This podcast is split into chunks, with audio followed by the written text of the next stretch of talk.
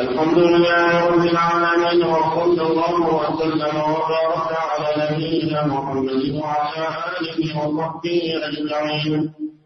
قال الإمام المؤلف رحمه الله الشيخ محمد بن عبد الوهاب باب قول الله تعالى فأقم وجهك للدين حنيفا فطرة الله التي فطر الناس عليها لا تبديل لخلق الله. ذلك الدين القيم ولكن أكثر الناس لا يعلمون. بسم الله الرحمن الرحيم. الحمد لله رب العالمين صلى الله وسلم على نبينا محمد. قال رحمه الله باب قول الله تعالى فأقم وجهك للدين القيم. فأقم وجهك للدين القيم. نعم. حنيفا فطرة الله التي فطر الناس عليها فأقم وجهك للدين القيم حنيفا فطرة الله التي فطر الناس عليها لا تبديل لخلق الله. ذلك الدين القيم ولكن أكثر الناس لا يعلمون. منيبين إليه واتقوه وأقيموا الصلاة ولا تكونوا من المشركين. من الذين فرقوا دينهم وكانوا شيعا كل حزب بما لديهم فرحون. يأمر الله جل وعلا نبيه في هذه الآية الكريمة. والشيخ رحمه الله يريد بذلك أن يبين أو أن يذكر ما جاء في تفسير هذه الآية الكريمة من الأحاديث النبوية والآثار. يأمر الله نبيه محمد صلى الله عليه وسلم. فأقم وجهك. أي أخلص عملك. أقم وجهك. أي أخلص عملك. فإقامة الوجه وإسلام الوجه. معناه إخلاص العمل.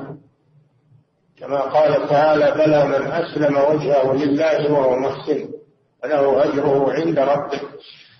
ولا خوف عليهم ولا هم يحزنون. أسلم وجهه يعني أخلص عمله من الشرك وهو محسن أي متبع للرسول صلى الله عليه وسلم.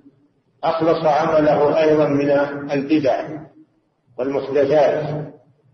فإذا اجتمع آلام الشيطان الإخلاص بالله في العمل والاتباع للرسول صلى الله عليه وسلم انتفى عن العمل الشرك وانتفى عنه البدعة والإحداث في الدين هذا هو الذي يقبله الله عز وجل. أقم وجهك للدين الدين الذي أمرك الله تعالى به وهو عبادة الله وحده لا شريك له. والدين هو التوحيد وهو العمل وهو الصلاة والصيام وجميع ما شرعه الله من العبادات فهذا هو الدين. القيم هذا وصف للدين. القيم أي المعتدل الذي ليس فيه غلو وليس فيه تساهل بل هو دين قيم. معتدل بين طرفي الإفراط والتفريط كما قال تعالى وأن كما قال سبحانه وتعالى وأن هذا صراطي مستقيما فاتبعوه.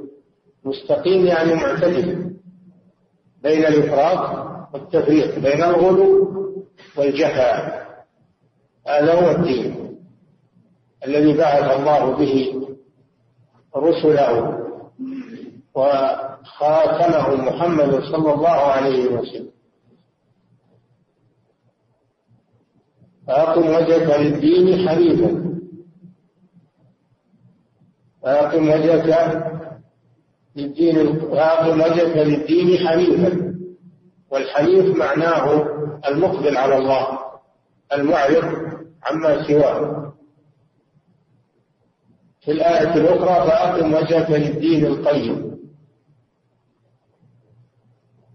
والحنيف والقيم معناهما واحد وهو المقبل على الله المعرض عما سواه. ثم قال جل وعلا فطرة الله التي فطر الناس عليها. أي أن هذا الدين وهذا الإسلام هو الفطرة. خلق الله الناس عليها. فالفطرة هي دين الإسلام. كما قال عليه الصلاة والسلام كل مولود يولد على الفطرة. فأبواه يهودانه أو ينصرانه أو يمجسانه. فالأصل الإنسان أنه مسلم وأنه مفطور على الإسلام وهو إخلاص الدين لله عز وجل.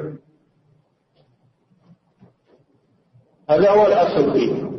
فإن انحرف فالانحراف طارئ طارئ عليه بسبب التربية بسبب التربية التي يربيه عليها والداه يهودانه يجعلانه يهوديا أو ينصرانه يجعلانه يجعلانه نصرانيا أو يمجسانه يجعلانه مجوسيا فيغيران فطرته التي فطر الله عليها. هذا على أن الأصل الإنسان أنه مفطور على الإنسان على الإسلام وهو إخلاص العمل لله والعبودية لله عز وجل. فلو سلم لو سلم من التربية السيئة والوالدين الكافرين يتجه إلى الدين اتجه إلى دين الإسلام واتبع الرسل ولكن ينحرف بسبب الدعاة إلى الضلال. هم الذين يحرفونه ثم قال لا تبديل لخلق الله. لا أحد يخلق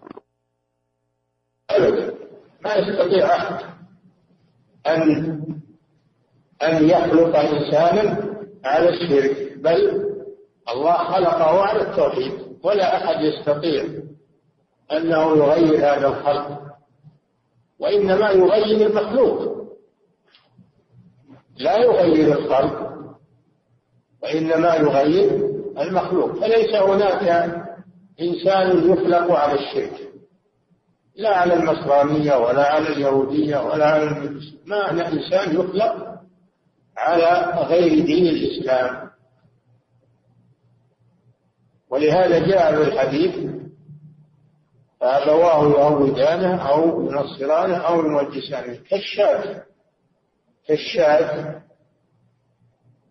التي تولد تولد كاملة كاملة الخلقة الأذنين والقرنين ثم أهلها يجدعونها يعني يكسرون قرنها أو يشقون أذنها. ما في شاة تخلق مشقوقة الأذن أو مكسورة القرن بل تخلق كاملة الخلقة. ثم أهلها يجدعونها أو يشقون أذنيها فيغيرونها. يغيرون المخلوق. ولا يغيرون الخلق أبدا. خلق الله لا يتغير. الشاة تولد كاملة بآذانها وقرونها وأضلافها وأطرافها. فإن حصل لها عرج أو حصل لها جدع في أذنها أو قرنها فإنما هذا من تصرف الناس. هكذا. لا تبديل لخلق الله. التبديل إنما هو للمخلوق. وأما الخلق فهو خاص بالله عز وجل. لا أحد يتدخل في ذلك الدين القيم. ذلك الذي أوحاه الله إليك وهو إفراد الله جل وعلا بالعبادة ترك عبادة ما سواه هو الدين القيم أي المستقيم المعتدل الذي لا وجاج فيه لا غلو ولا جفاء لا إفراط ولا تفريط هذا هو الدين القيم. ولكن أكثر الناس لا يعلمون. يجهلون هذا الدين. ولذلك يقعون فيما يقعون فيه من الضلال والانحراف. وإلا فالدين قيم مستقيم. فإن حصل انحراف فهو من تصرف الناس ومن تصرف الخلق. ولكن أكثر الناس شوف. أكثر لا يحتج بالكثرة إذا كانت على ضلال وعلى خطر. وإنما يحتج بمن كان على الحق. ولو كان قليلا. يحتج بمن كان على الحق ولو كان العدد قليلا. ولا يحتج بمن كان على الباطل ولو كان عددهم كثيرا أكثر الناس لا يعلمون. لا يعلمون الدين. لا يعلمون الدين القيم. ولذلك وقعوا فيما وقعوا فيه من من الإخلال بهذا الدين والانحراف عنه. نعم. وقوله تعالى ووصى بها إبراهيم بنيه ويعقوب يا بني إن الله اصطفى لكم الدين فلا تموتن إلا وأنتم مسلمون. وصى بها إبراهيم الخليل عليه السلام وصى بها بنيه إسماعيل وإسحاق وذريته ويعقوب. وهو يعقوب ابن إسحاق بن إبراهيم الذي هو إسرائيل. وصى بها أيضا بنيه بكلمة التوحيد كلمة الإخلاص لله عز وجل. والتوصية معناه أو معنى التوصية أن الموصي أن الموصي عند موته يوصي ذريته أو من حوله بتقوى الله عز وجل. بعد موته. الوصية هي عند عند الفقهاء الإذن بالتصرف بعد الموت. الإذن بالتصرف بعد الموت. هذه الوصية في الأموال. أما الوصية في الدين فهي الوصية يعني الحث الحث على التمسك بالدين. فإبراهيم ويعقوب إبراهيم الذي هو أبو الأنبياء ويعقوب الذي هو أبو بني إسرائيل. كلاهما أوصى ذريته بكلمة التوحيد والإخلاص لله عز وجل. والدين الحق. وهكذا هكذا يجب على الوالد هكذا يجب على الوالد أن يربي أولاده على طاعة الله وأن يوصيهم بعد أو إذا حضره الموت يوصيهم بالثبات على الدين والبقاء على التوحيد. وهذا من حرص الأبوين الكريمين. إبراهيم ويعقوب. حرصهما على ذريتهما. يا بني أبني يا بني إن الله اصطفى لكم الدين اختار لكم الدين اختار التوحيد لكم. لأنهم أولاد الأنبياء ذرية الأنبياء. فهم أولى أن يتمسكوا بهذا الدين وأن يكونوا قدوة للناس إن الله اصطفى لكم الدين أي اختاره لكم. فلا تموتن إلا وأنتم مسلمون. هذا وصية بالتمسك بالدين إلى الممات وذلك بالعمل به. والثبات عليه والحذر مما يخالفه من الشرك والبدع ودعوة الضلال. فالإنسان ما دام على قيد الحياة إنه عرضة للانحراف والاتباع لدعاة الضلال إن لم يثبته الله عز وجل. وهذا فيه دليل على أن العبرة بالخاتمة فلا تموتن إلا وأنتم مسلمون. العبرة بالخاتمة مسلمون لله بالتوحيد. الإسلام يراد به التوحيد وهو دين جميع الرسل. الإسلام هو دين جميع الرسل بمعنى التوحيد.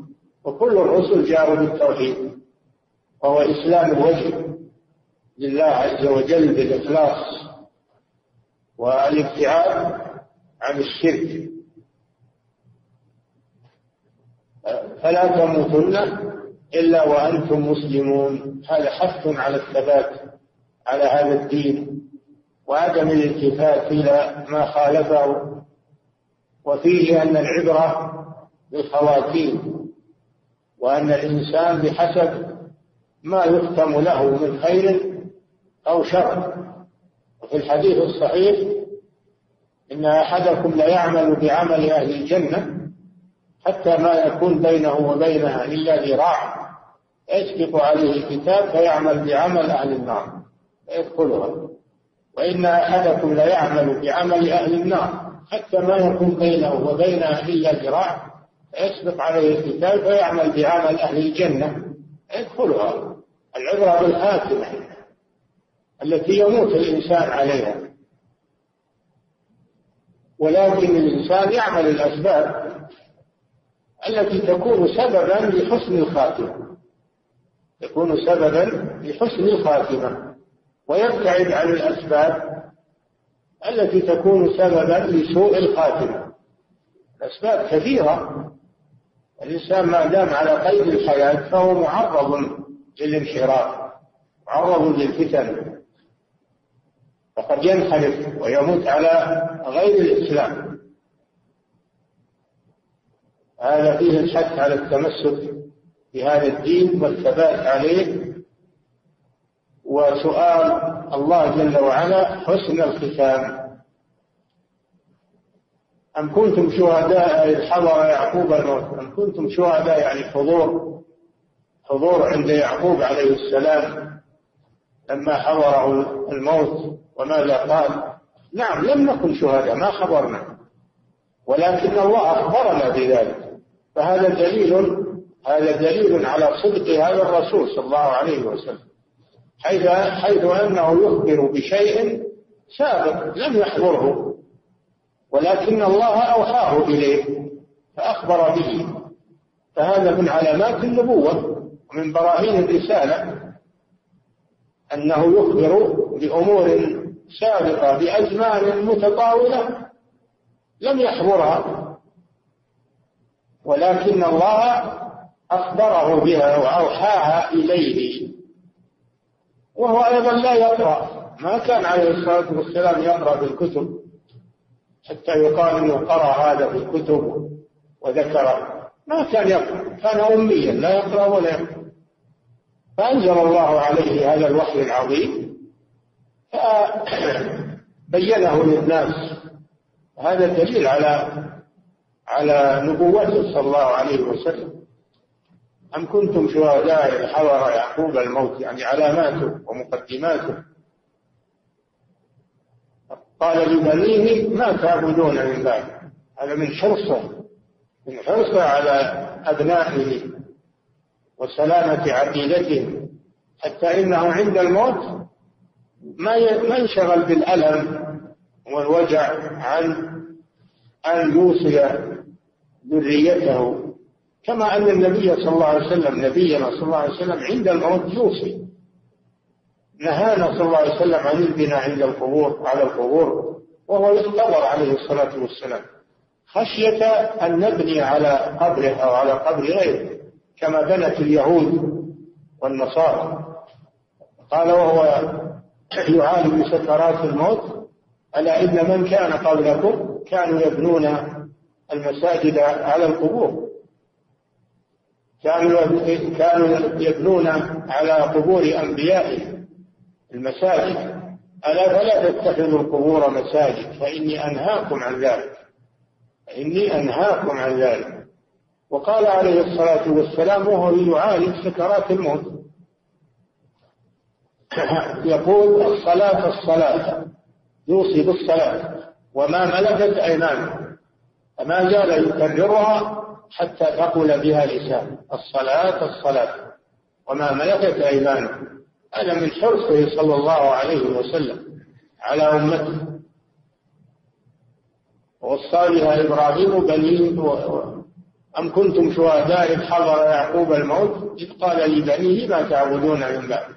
قالوا نعبد إلهك وإله آبائك إبراهيم وإسماعيل وإسحاق ويعقوب والأسباط قالوا نعبد إلهك وإله آبائك إبراهيم وإسماعيل وإسحاق إلها واحدا ونحن له مسلمون.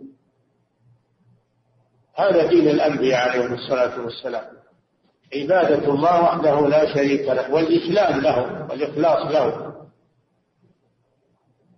وانظروا كيف ذكر إسماعيل من آباء من آباء بني إسرائيل لأنه عم لأنه أخو أبيهم إسماعيل أخو إسحاق فهو عم لبني إسرائيل والعم بمنزلة الأب ولذلك عده مع الآباء.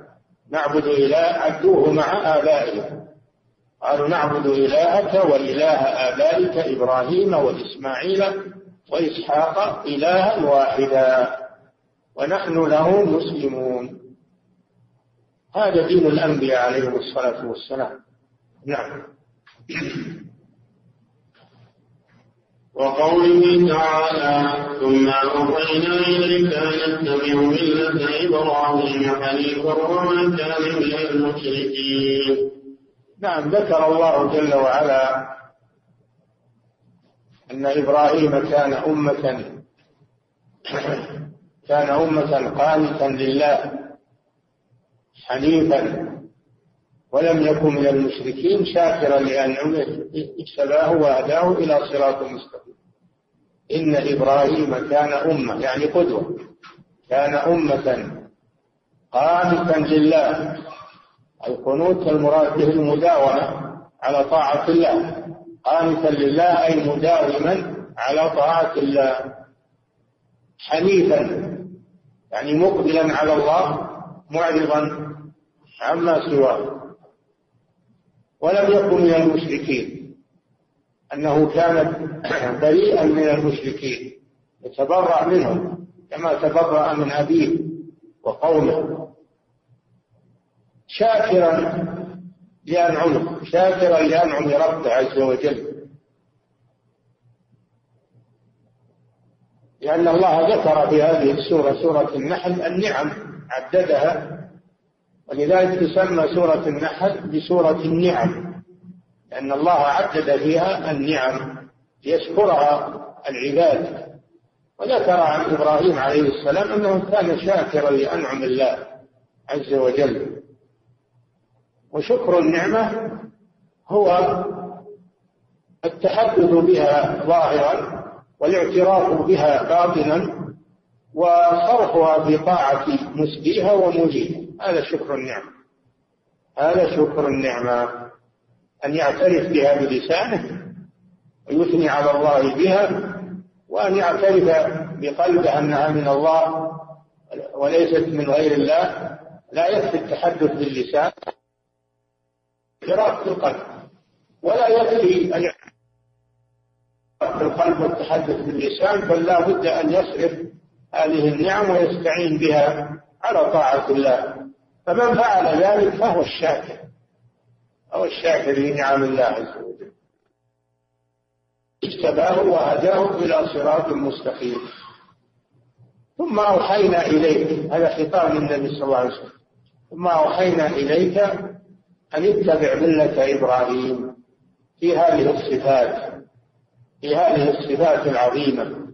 ودين نبينا محمد صلى الله عليه وسلم هو دين إبراهيم. هو دين الحنيفية السمحة دين التوحيد والعبادة والإخلاص لله عز وجل. نعم.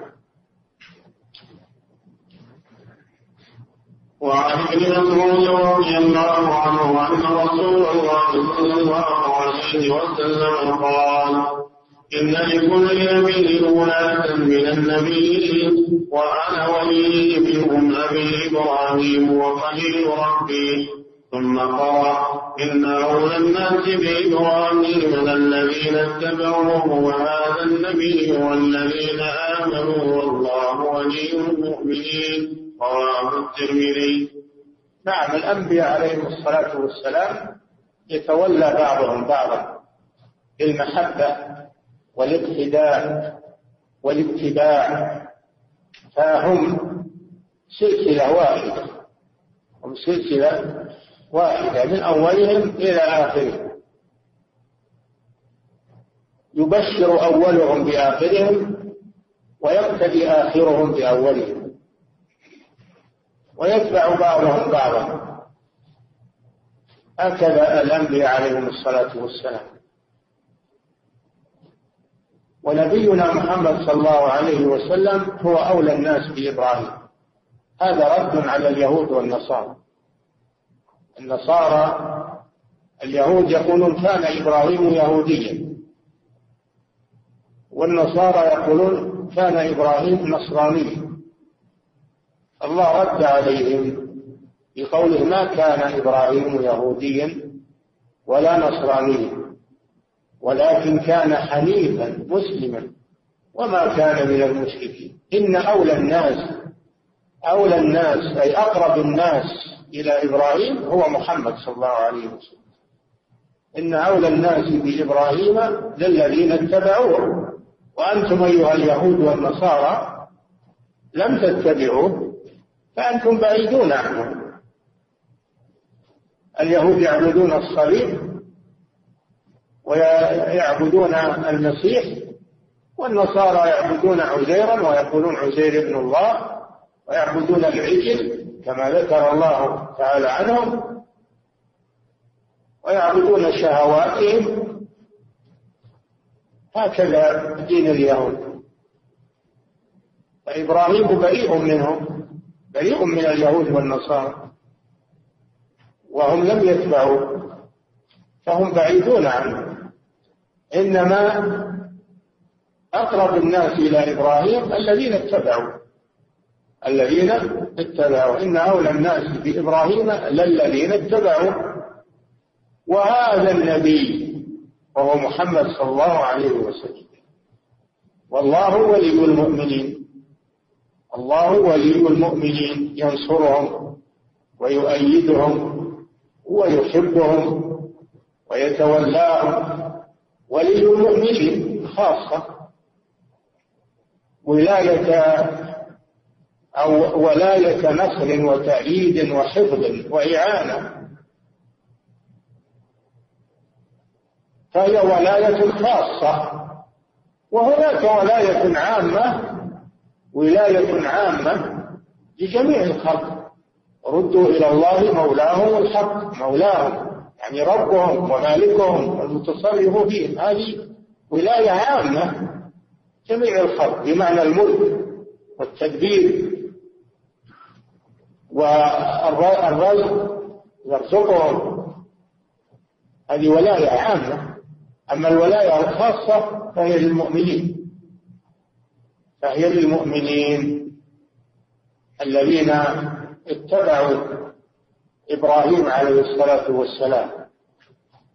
وأولاهم بذلك هذا النبي محمد صلى الله عليه وسلم. هذا فيه رد على اليهود والنصارى الذين يزعمون أنهم على دين إبراهيم. وهم كذبة ليسوا على دين إبراهيم عليه الصلاة والسلام. وإنما هم على دين الشرك. ودين الانحراف والتغيير والتبديل. نعم. وعن أبي هريرة رضي الله عنه. فهذا فيه دليل على أن أنه لا يكون وليا للنبي صلى الله عليه وسلم إلا من اتبعه ليس هناك ولي للنبي لا إبراهيم ولا غير إبراهيم إلا من اتبعه الذين يزعمون أنهم يحبون محمدا صلى الله عليه وسلم وهم يخالفونه ويحدثون البدع والمحدثات يزعمون أنهم يحبون النبي هذا كذب. هذا كذب. لو كانوا يحبون النبي صلى الله عليه وسلم لاتبعوه وتركوا البدع والمحدثات والخرافات التي ما أنزل الله بها من سلطان. فالذي يتبع النبي فالذي يحب النبي صلى الله عليه وسلم حقيقة هو الذي يتبعه. الذين آمنوا به وعزروه ونصروه واتبعوا النور. اتبعوا. اتبعوا النور الذي أنزل معه. أولئك هم المفلحون. العبرة بالاتباع. ما هي بالعبرة بالدعوة؟ الدعوة إذا لم تكن إذا لم يكن عليها دليل فهي دعوة باطلة والدعاوى إذا لم يقيموا عليها بينات أهلها أدعياء. المسألة مسألة دعوة. نحن نحب النبي نحن من أتباع النبي. ثم إذا جئت إلى العمل لم تجده على سنة النبي صلى الله عليه وسلم. تجده على سنة المنحرفين والمبتدعين. هذا كذب في دعواهم. نعم. وعن أبي هريرة رضي الله عنه قال قال رسول الله صلى الله عليه وسلم إن الله لا ينظر إلى أجسامكم ولا إلى أموالكم ولكن ينظر إلى قلوبكم وأعمالكم. نعم هذا فيه أن العبرة ليست للمظاهر ليست العبرة بالمظاهر إلى الأجسام وجمالها ولا إلى كثرة الأموال والثروات والغنى. إنما النظر إلى شيئين القلوب والأعمال. إذا كانت القلوب صحيحة سليمة مخلصة لله عز وجل وكانت الأعمال مستقيمة على شرع الله وعلى دين الله فهذا هو الذي ينظر الله إليه ويتقبله ويثيب عليه. أما مجرد جمال الصورة وكثرة الثروة فهذا ليس عند الله شيء. وما أموالكم ولا أولادكم بالتي تقربكم عندنا زلفى. إلا من آمن وعمل صالحا. إلا من آمن وعمل صالحا. فهؤلاء هم الذين ينظر الله إليهم نظر اعتبار وقبول ورحمة. نعم. ولهما عن ابن مسعود رضي الله عنه قال قال رسول الله صلى الله عليه وسلم أنا فرطكم على الحوض. وليوضعن إلي رجال من أمتي حتى إذا أهويت لأناولهم اقترفوا دوني فأقول أي رب أصحابي؟ فيقال إنك لا تدري ما أحدثوا بعدك. في هذا الحديث يقول صلى الله عليه وسلم أنا فرطكم على الحوض الفرط هو الذي يسبق إلى الماء. هو الذي يسبق إلى الماء. ليسقي قومه. النبي صلى الله عليه وسلم يوم القيامة يكون على الحوض. النبي صلى الله عليه وسلم له حوض يوم القيامة. طوله مسافة شهر وعرضه مسافة شهر. وماؤه أحلى. أبيض من اللبن وأحلى. أبيض من اللبن وأحلى من العسل. آنيته عدد نجوم السماء من يشرب منه شربة لم يظمأ بعدها أبدا. تجد الأمة يوم القيامة على النبي صلى الله عليه وسلم وهم عطاش يريدون عليه وهم عطاش من شدة الحر وطول المقام. الماء فيريدون عليه الحوض ويسقيهم صلى الله عليه وسلم بيده. إلا من كان قد غير دينه من كان قد غير دينه فإنه يصرف عن الحوض يصرف عن الحوض فيقول النبي صلى الله عليه وسلم يا ربي أصحابي. أصحابي من حرصه صلى الله عليه وسلم. ويقال إنك لا تدري ما أحدثوا بعدك. يعني غيروا. فهذا فيه دليل على أن من ابتدع في دين الله وغير أنه لا يرد الحوض على النبي صلى الله عليه وسلم ولا يرده إلا أهل التوحيد والاتباع. أهل التوحيد لله والاتباع للرسول صلى الله عليه وسلم الذين لم يبدلوا ولم يغيروا بل كانوا كما تركهم صلى الله عليه وسلم على البيضاء.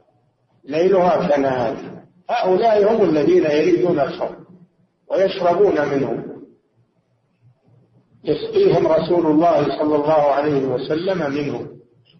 وأما من غير وبدل فإنه وإن انتسب إلى الإسلام وانتسب إلى اتباع الرسول صلى الله عليه وسلم فإنه في هذا الموقف يصرف عن الفرض فهذا فيه التحذير من البدع والانحراف والتغيير في دين الله والضلال وفيه الحث على التمسك بالدين الصحيح والثبات عليه والصبر والصبر عليه إلى الموت إلى الوفاة حتى يرد على النبي صلى الله عليه وسلم وحتى يشرب من حوضه.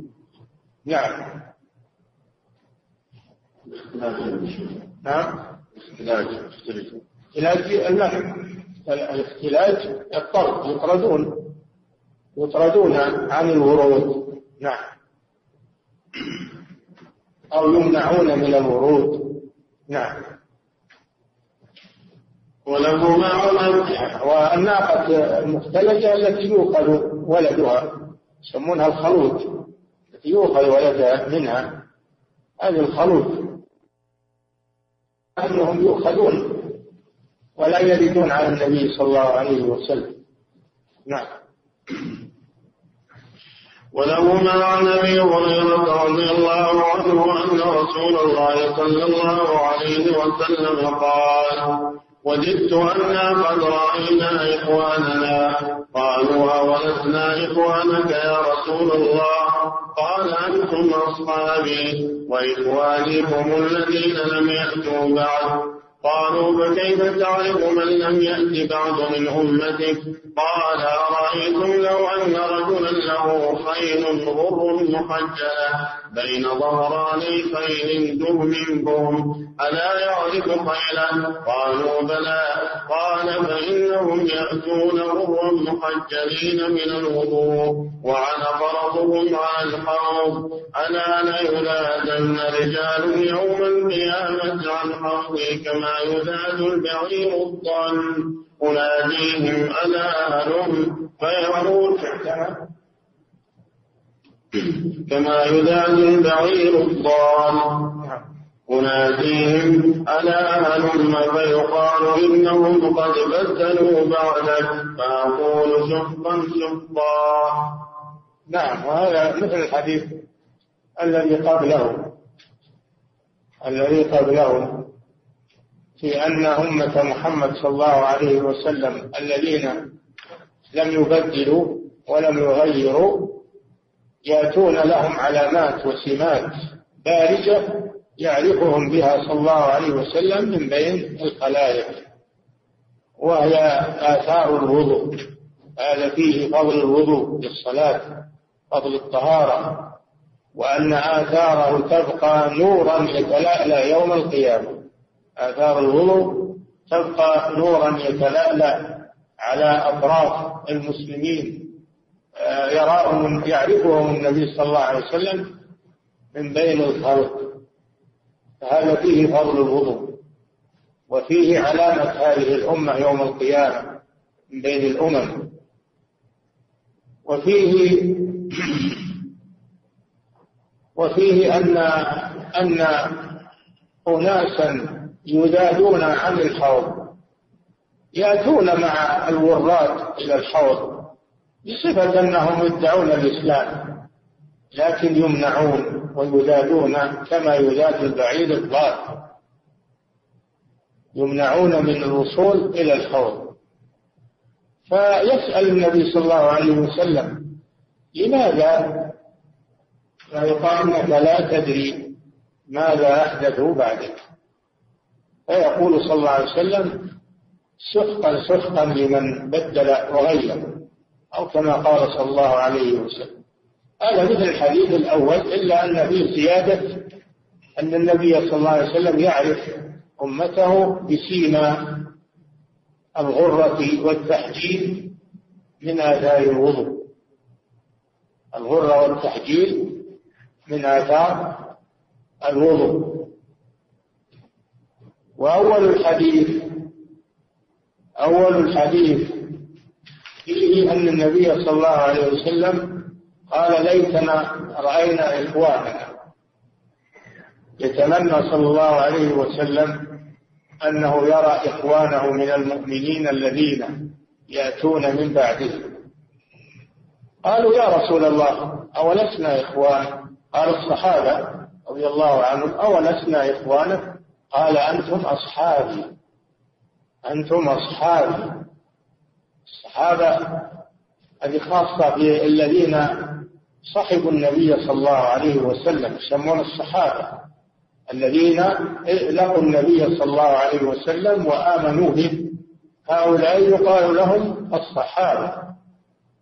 ولهم فضل عظيم وهم خير القرون. هم خير القرون.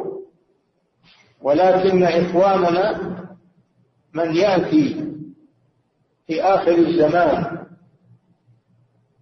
ويتبع هذا الرسول صلى الله عليه وسلم مع ما بينهما من طول الزمان هذا فيه الفضل العظيم لآخر هذه الأمة التي تتمسك بدين الرسول وهي لم ترى.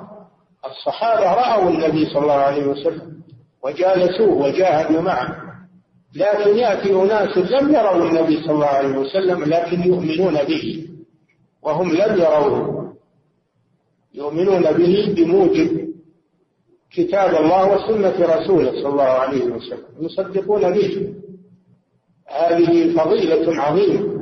الصحابة لهم فضل الصحبة وهؤلاء لهم فضل التمسك والاتباع وهم لم يروا النبي صلى الله عليه وسلم. كل له فضيلة. أعد.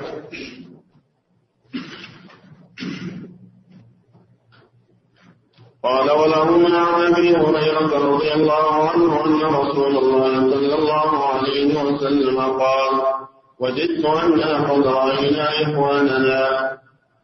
قالوا أولسنا إخوانك يا رسول الله. قال أنتم أصحابي. وإخواني هم الذين لم يأتوا بعد. لم يأتوا بعد يعني آخر الأمة. الذين آمنوا بالرسول صلى الله عليه وسلم وهم لم يروه ولم يصحبوه. فهذه فضيلة خاصة لهم. والصحابة لهم فضيلة خاصة وهي فضل الصحبة مع رسول الله صلى الله عليه وسلم. وهذا كما في قوله تعالى لما ذكر الصحابة المهاجرين والأنصار قال والذين جاءوا من بعدهم يقولون ربنا اغفر لنا ولإخواننا الذين سبقونا بالإيمان ولا تجعل في قلوبنا غلا للذين آمنوا. ربنا إنك رؤوف رحيم. هؤلاء الذين يأتون بعد الصحابة و يصفونهم بأنهم إخوانهم في الدين والملة ويدعون لهم ويترحمون عليهم ويستغفرون لهم ويعترفون لهم بالسبق بالسبق بالإيمان. أين الذين يطعنون في الصحابة ويسبونهم ويلعنونهم ويزعمون أنهم من المسلمين؟ أين هم من هذا من هذه الآية ومن هذا الحديث. أين هم من الإسلام وهم يسبون صحابة رسول الله صلى الله عليه وسلم ويطعنون فيهم ويلعنونهم ويكفرونهم؟ نعم. قالوا فكيف تعرف من لم يأت من لم يأت بعض من أمتك اي نعم. كيف تعرفهم وأنت لم ترهم؟ النبي صلى الله عليه وسلم بين بماذا يعرفهم؟ يعرفهم بآثار الوضوء. وهذا قالوا هذا فيه دليل على أن الوضوء من خصائص هذه الأمة. من خصائص هذه الأمة. وقيل الوضوء ليس من خصائص هذه الأمة ولكن من خصائصها النور والضياء الذي يكون. فيهم من آثار الوضوء. وإلا فالوضوء مشروع لجميع المؤمنين. لكن اختصت هذه الأمة بهذا الأثر الذي يكون عليهم على أطرافهم. غرا محجلين يعني بيض الوجوه الغرة هي بياض الوجه. غرة محجل والتحجيل هو بياض الأطراف الأيدي والأرجل. نعم. قال أرأيتم أن رجلا له خير غر محجلة بين ظهراني خيل خيل دهم بهم لا يعرف خيلا اي نعم إذا كانت الخيل فيها خيل غر محجلة وفيها خيل دهم ليس فيها غر ولا تحجيل لا شك أن الخيل التي تكون فيها العلامة تتميز عن غيرها يعرفها صاحبها ولا تلتبس. هذا مثال واضح أراد النبي صلى الله عليه وسلم به التمثيل على أنه يوم القيامة يعرف أمته وهو لم يرهم يعرفهم ولو جاءوا في آخر الزمان وهو لم يرهم يراهم بالعلامة التي تميزوا بها. نعم. قالوا بلى. قال فإنهم يأتون غرا محجلين من الوضوء وأنا فرطهم على القول. فرطهم يعني السابق. الفرط هو السابق إلى الماء فهو يسبق أمته صلى الله عليه وسلم إلى الحوض. نعم. ألا لا يذادن رجال يوم القيامة عن قوله كما يذاد البعير الضال. نعم. يذاد أهل البدع. المحدثات. والذين يسبون صحابة رسول الله صلى الله عليه وسلم ويكفرونهم هؤلاء يذادون يوم القيامة. وناديهم على هلم فيقال إنهم قد بدلوا بعدك فأقول سحقا سحقا يعني بعدا بعدا يتبرأ منهم صلى الله عليه وسلم إذا علم أنهم قد غيروا دينه وبدلوا. سنة فإنه يتبرأ منهم يوم القيامة. في موقف هم أحوج ما يكونون إليه. لما أنهم عصوه في الدنيا أبعدهم الله عنه يوم القيامة وحرمهم وفضحهم أمام الخلائق. فيا لها من موعظة ما أبلغها وما أوجزها. ويا له من حث على اتباع الرسول صلى الله عليه وسلم والتمسك بالسنة والصبر. الصبر عليها والثبات عليها.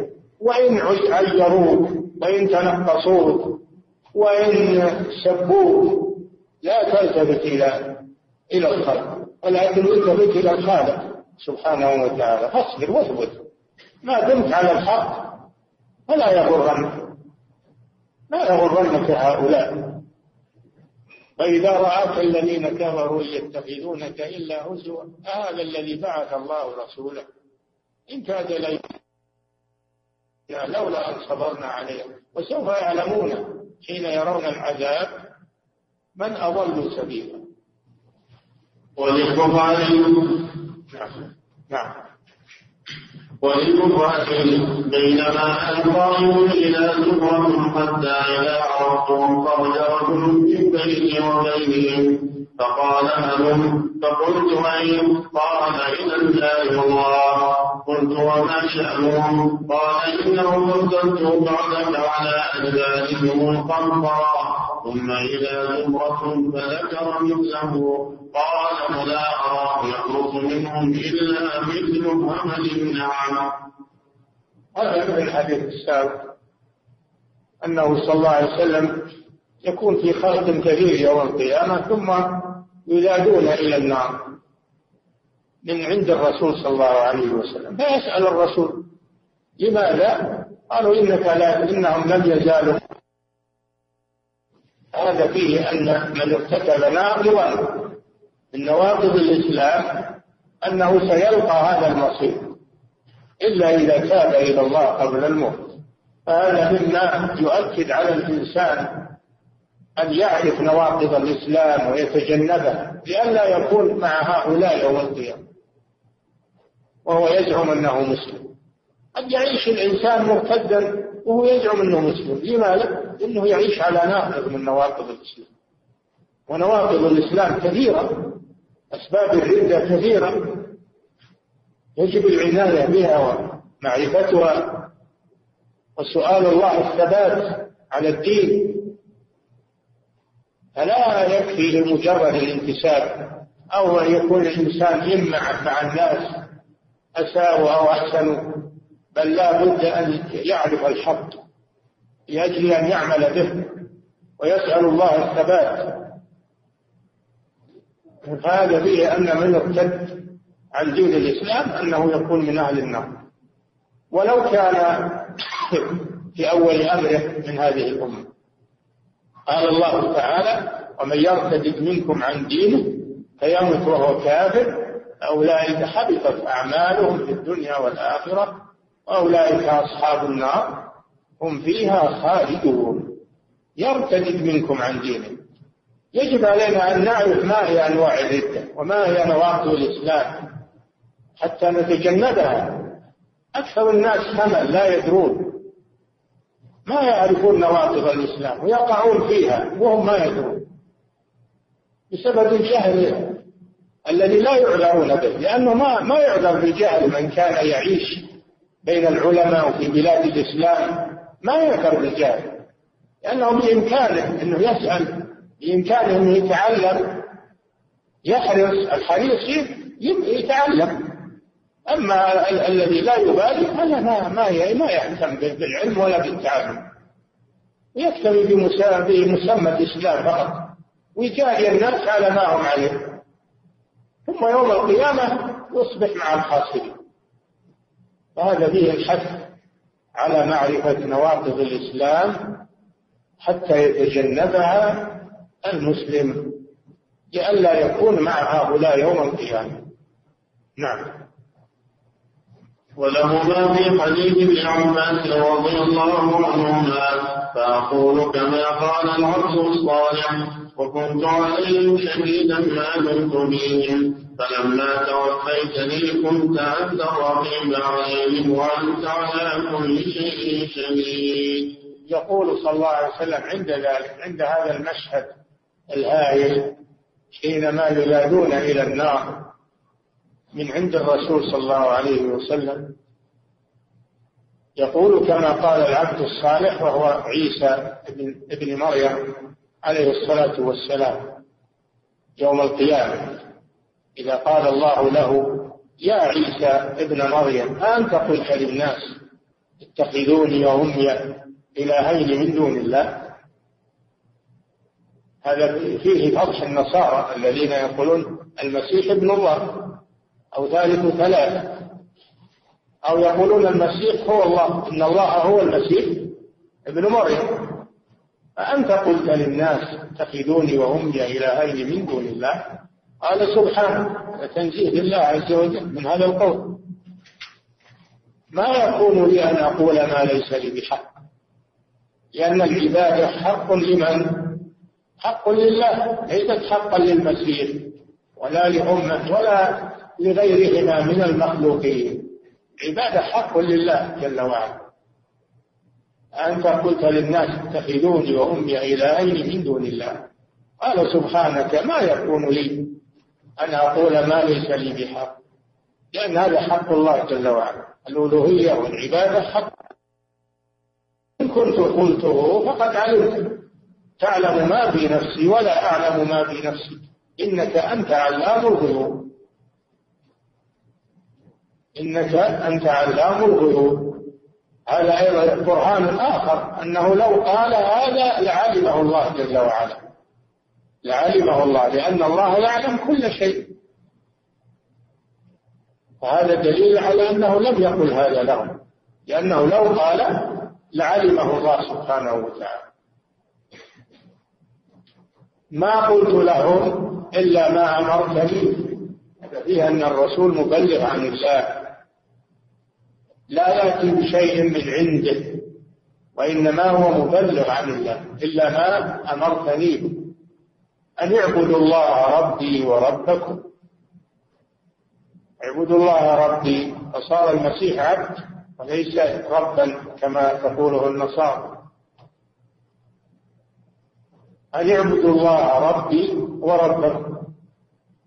وكنت وكنت عليهم شهيدا ما دمت فيه. في حياته صلى الله عليه وسلم كان يدعوهم إلى التوحيد وينهاهم عن الشرك.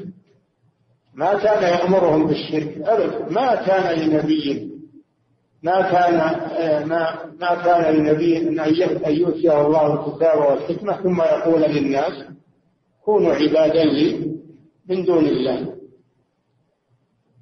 كونوا عبادا لي من دون الله. ما حد يقول هذا من الأنبياء.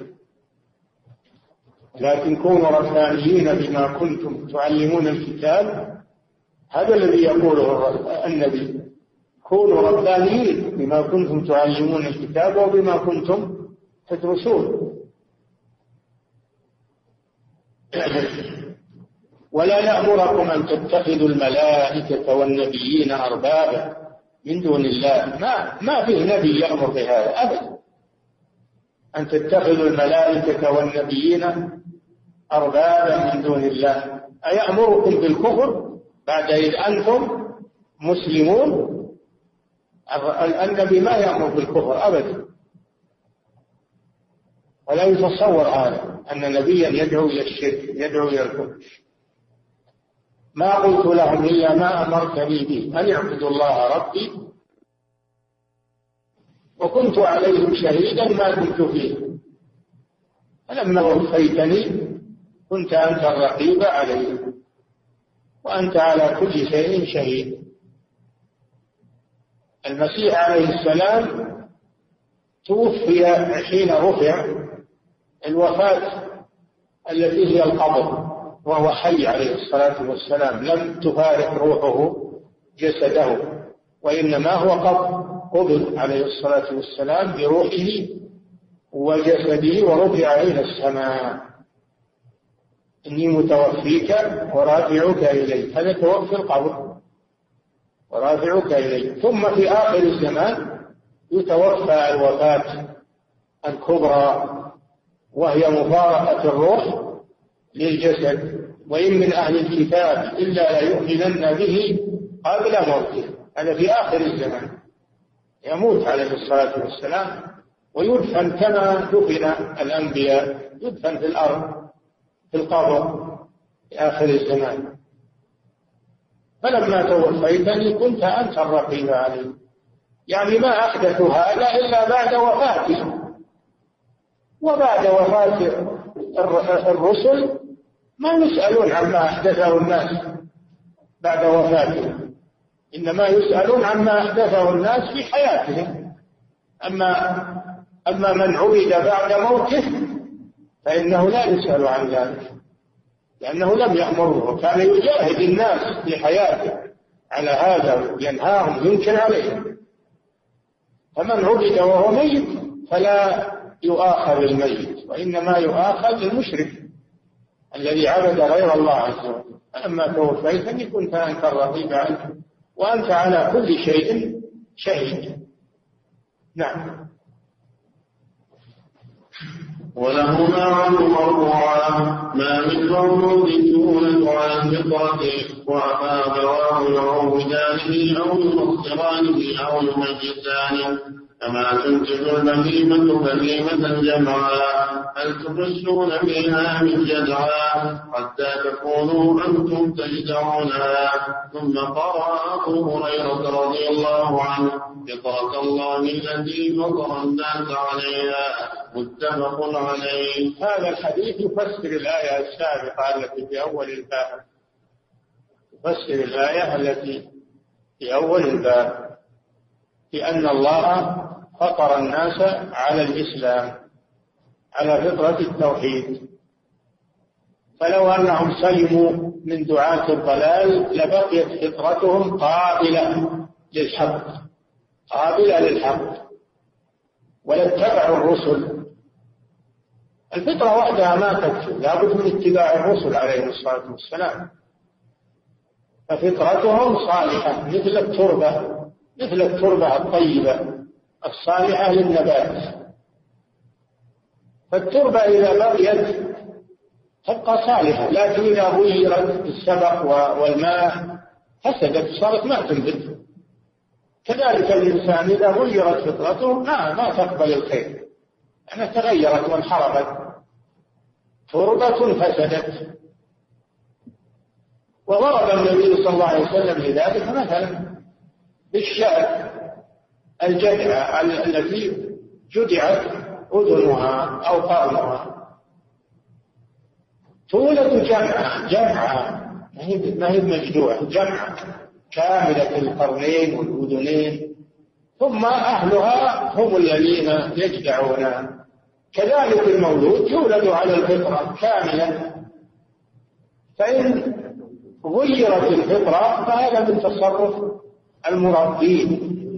هذا من تصرف المربين الذين يحرفون الفطرة ويغيرونها مثل الذين يفسدون التربة الصالحة للبلد فلا تنبت.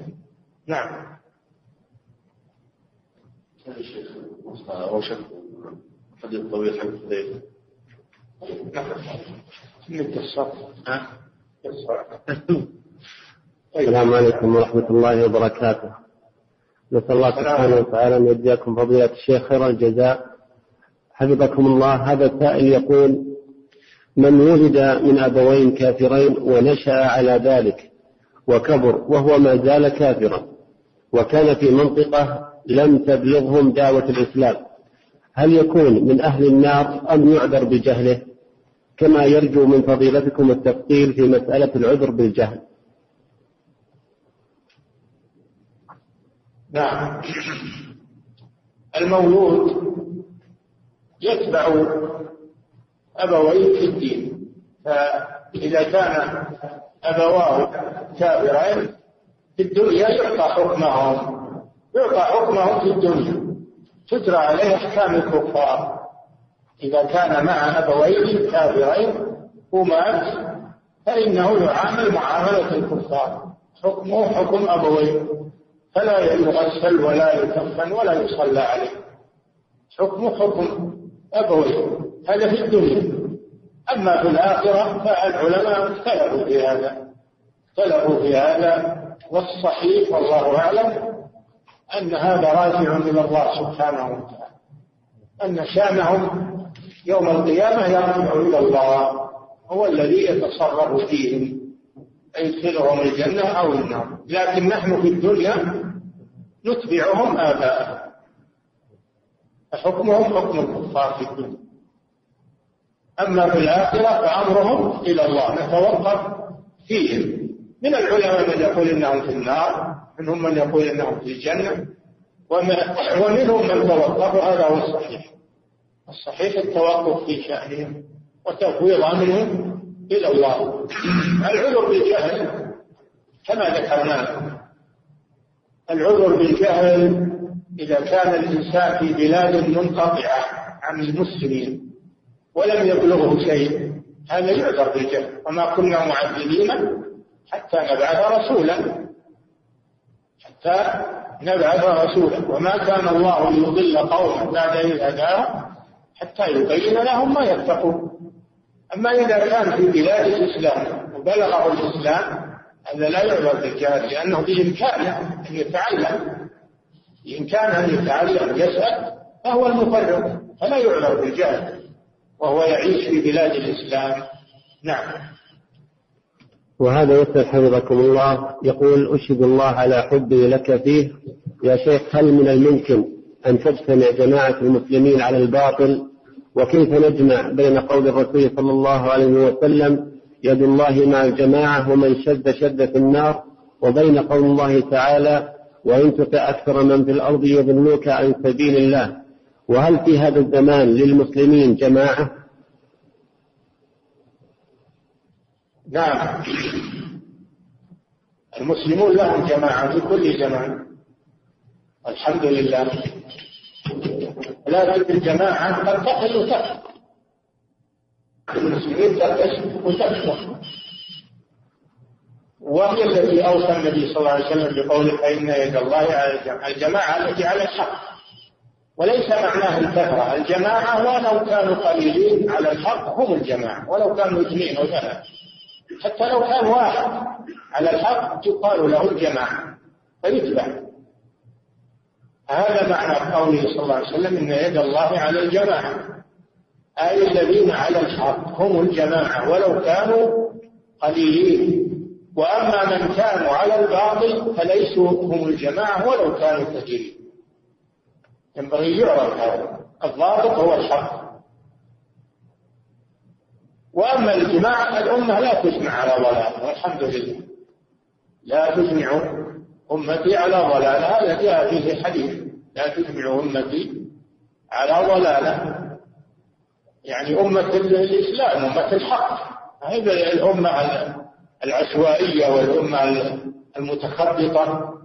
المراد أن أهل الحق لا يجتمعون على ضلال. أهل الحق لا يجتمعون على ضلال. أما أهل الباطل فيجتمعون على الضلال. ويكونون كثيرين. الضابط هو هو من كان على الحق. فهو الجماعة وهذا هؤلاء لا يجمعون على ضلال. نعم.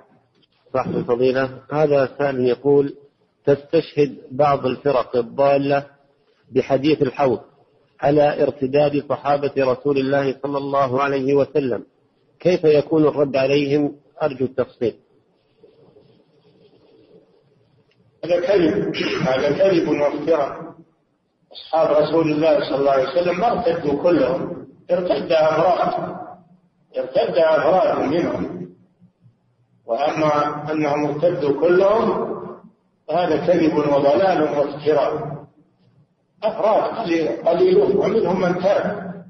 منهم من تاب ورجع إلى الإسلام ومنهم من بقي على ردته حتى مات. نعم. هذا يسأل يقول هل يدخل في الذين غيروا وبدلوا ما نراه الآن من بعض الجماعات مثل جماعة التبليغ والإخوان وغيرهم من الجماعات. هذا فيه تفصيل لأن التغيير والتبديل يختلف.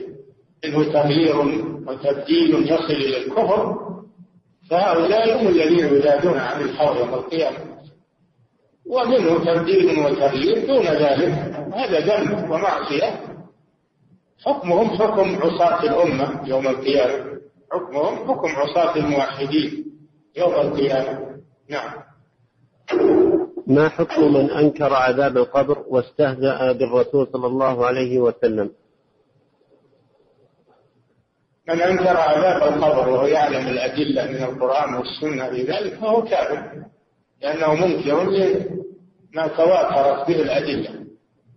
وأما من أنكره جهلا أو تقليدا هذا يضلل هذا من أهل الضلال لكن لا يصل إلى حد الكفر لأنه لم يتعمد هذا الشيء وإنما قلد غيره أو تأول تأويلا ظنه تأويلا صحيحا وهو باطل. هذا يضلل ألا يصل إلى حد الكفر. نعم. وهذا يسأل يقول وصى إبراهيم عليه الصلاة والسلام بنيه باجتناب الشرك. فما هي مظاهر الشرك في وقتنا الحاضر؟ الظاهرة والباطنة مثل الخوف من المخلوقين أكثر من الخالق التي تنصحون المسلمين الحذر منها. يا حبذا لو ذكر فضيلتكم بعض مظاهر الشرك أو الردة في هذا الزمان لاجتنابها. مظاهر الردة والشرك في هذا الزمان كثيرة منها عبادة القبور. والأضرحة الذبح لها والنذر لها والاستغاثة بالأموات. هذا شرك ظاهر ظاهر واضح شرك أكبر. فهذا لا شك إنه إنه كفر وضلال وردة عن الإسلام. ومن ذلك الذين ينتحلون مذاهب الحادية ينتحلون مذاهب الحادية إما باطنية وإما مذاهب القومية العربية أو البعثية أو أو ما أشبه ذلك أو الحداثة أو غير ذلك. هذه مذاهب الحادية واضحة. تكفر بالأديان وتستهزئ. تستهزئ بالدين وبالرسل وبالمسلمين. هذه ردة واضحة ما فيها إشكال. هذه ما أحد يجادل فيها. الذي يستهزئ بالرسول أو يستهزئ بأحد من الأنبياء أو بالدين أو يسخر من الدين هذا لا شك في ردته وهذا كثير اليوم. والمذاهب الباطلة المنحرفة كثيرة. ما ما تخفى على أحد. ومن ذلك الحكم بغير ما أنزل الله إذا اعتقد أنه أنه أحسن من الحكم بما أنزل الله وأنه أصلح للناس وأصلح لهذا الوقت. هذا لا شك بكفر أو يعتقد أنه أنه مخير أنه يحكم بالقانون أو يحكم بالشريعة. هو مخير. فهذا أيضا يكفر لا شك في كفره. فهذه مظاهر كفر واضحة في الناس إلا من رحم الله عز وجل. نعم. هذا يسأل حفظكم الله أحد الشعراء بدأ في أول القصيدة قل أعوذ برب الفاتحة فما هو تعليق سماحتكم على هذا أفيدون مأجورين. هذا قول يسبق إليه رب الفاتحة رب القرآن رب هذا ما لم يسبق هذا قول باطل محدث نعم. امرأة أمريكية هداها الله للإسلام ووالديها نصرانيين وهي تريد أن تذهب إلى موريتانيا لتعلم العلم الشرعي القرآن والعربية وسيرافقها عمها كمحرم ولكنها ستبقى هنالك لوحدها مع بعض النساء المسلمات. هل يجوز لها ذلك؟ علما بأنها سترجع إلى بلادها فيما بعد. السؤال. هذه سائلة. السؤال. هذه سائلة حفظك الله من أمريكا. امرأة أمريكية هداها الله للإسلام ووالديها نصرانيين وهي تريد أن تذهب إلى موريتانيا لتعلم العلم الشرعي القرآن والعربية وسيرافقها عمها كمحرم ولكنها ستبقى هنالك لوحدها مع بعض النساء المسلمات. هل يجوز لها ذلك؟ علما بأنها سترجع إلى بلادها فيما بعد مع المحرم؟ لا بأس بذلك إذا السفر إذا كان معها معها محرم في السفر ذهابا وإيابا وتبقى مع المسلمين في البلد تتعلم لا يشترط الإقامة في بلاد المسلمين لا يشترط لها محرم. محرم إنما هو في السفر.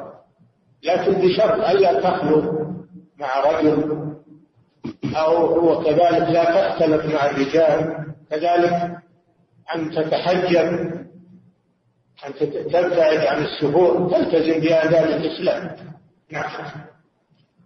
هذا السائل يقول أنا عربي مسلم لدي زوجة من بلدي ولكن تعرفت على فتاة أمريكية أسلمت مؤخرا وذلك عن طريق إشرافي على بعض الدروس عبر شبكة الكمبيوتر. واتفقنا على الزواج علما بأنها كانت تعيش في بلاد إسلامية وهي محصنة ليست كنساء الغرب إلا أن والديها نصرانيين. ما تنصحني يا شيخ مع العلم أنني أرى لديها رغبة في تعلم الإسلام؟ تزوج عن طريق الإنترنت هذا لا لا ينبغي ولا ولا أنصح به لأنه يدخله الكذب يدخله التصنع ولا ولا يبنى عليه ولا يوثق منه. يدخله الخداع لا يفرق إذا كنت تعرف المرأة معرفة واضحة بدون حاجة الوسيلة فلا بأس. أما إذا كان من طريق الإنترنت ولا تعرفها إلا بهذه الوسيلة هذه لا يعتمد عليها. نعم. هذا يسأل يقول تحصلت على شقة للسكن التابع للشركة التي أعمل فيها. ونظرا لأنني محتاج إلى المال فهل يجوز لي أن أتنازل عن الشقة لأحد العاملين بالشركة مقابل مبلغ من المال؟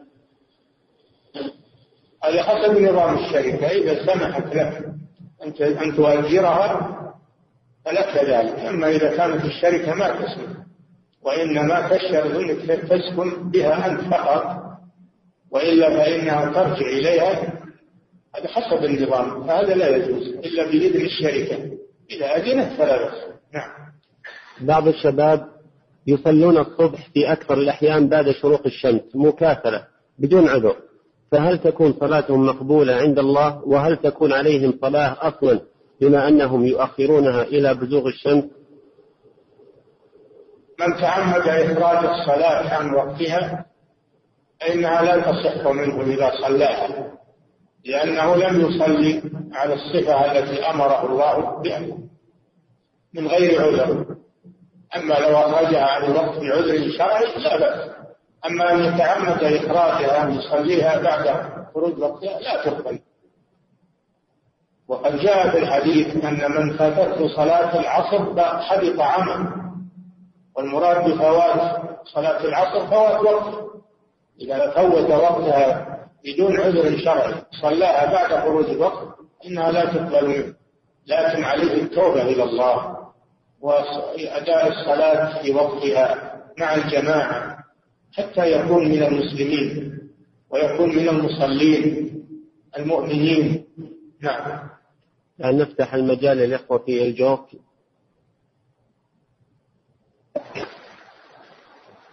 السلام عليكم ورحمة الله وبركاته. أحسن الله إليكم فضيلة الشيخ. يقول السائل الذين لم يتبعوا النبي صلى الله عليه وسلم من أهل البدع والمحدثات والذين غيروا وحرفوا وبدلوا ولكنهم بقوا على الإسلام وهم لا يردون الحوض. هل هم مخلدون في النار أم لا؟ الله أكبر الله أكبر. أشهد أن لا إله إلا الله أشهد أن محمد رسول الله. حي على الصلاة حي على الفلاح. قد قامت الصلاة وقد قامت الصلاة. الله أكبر الله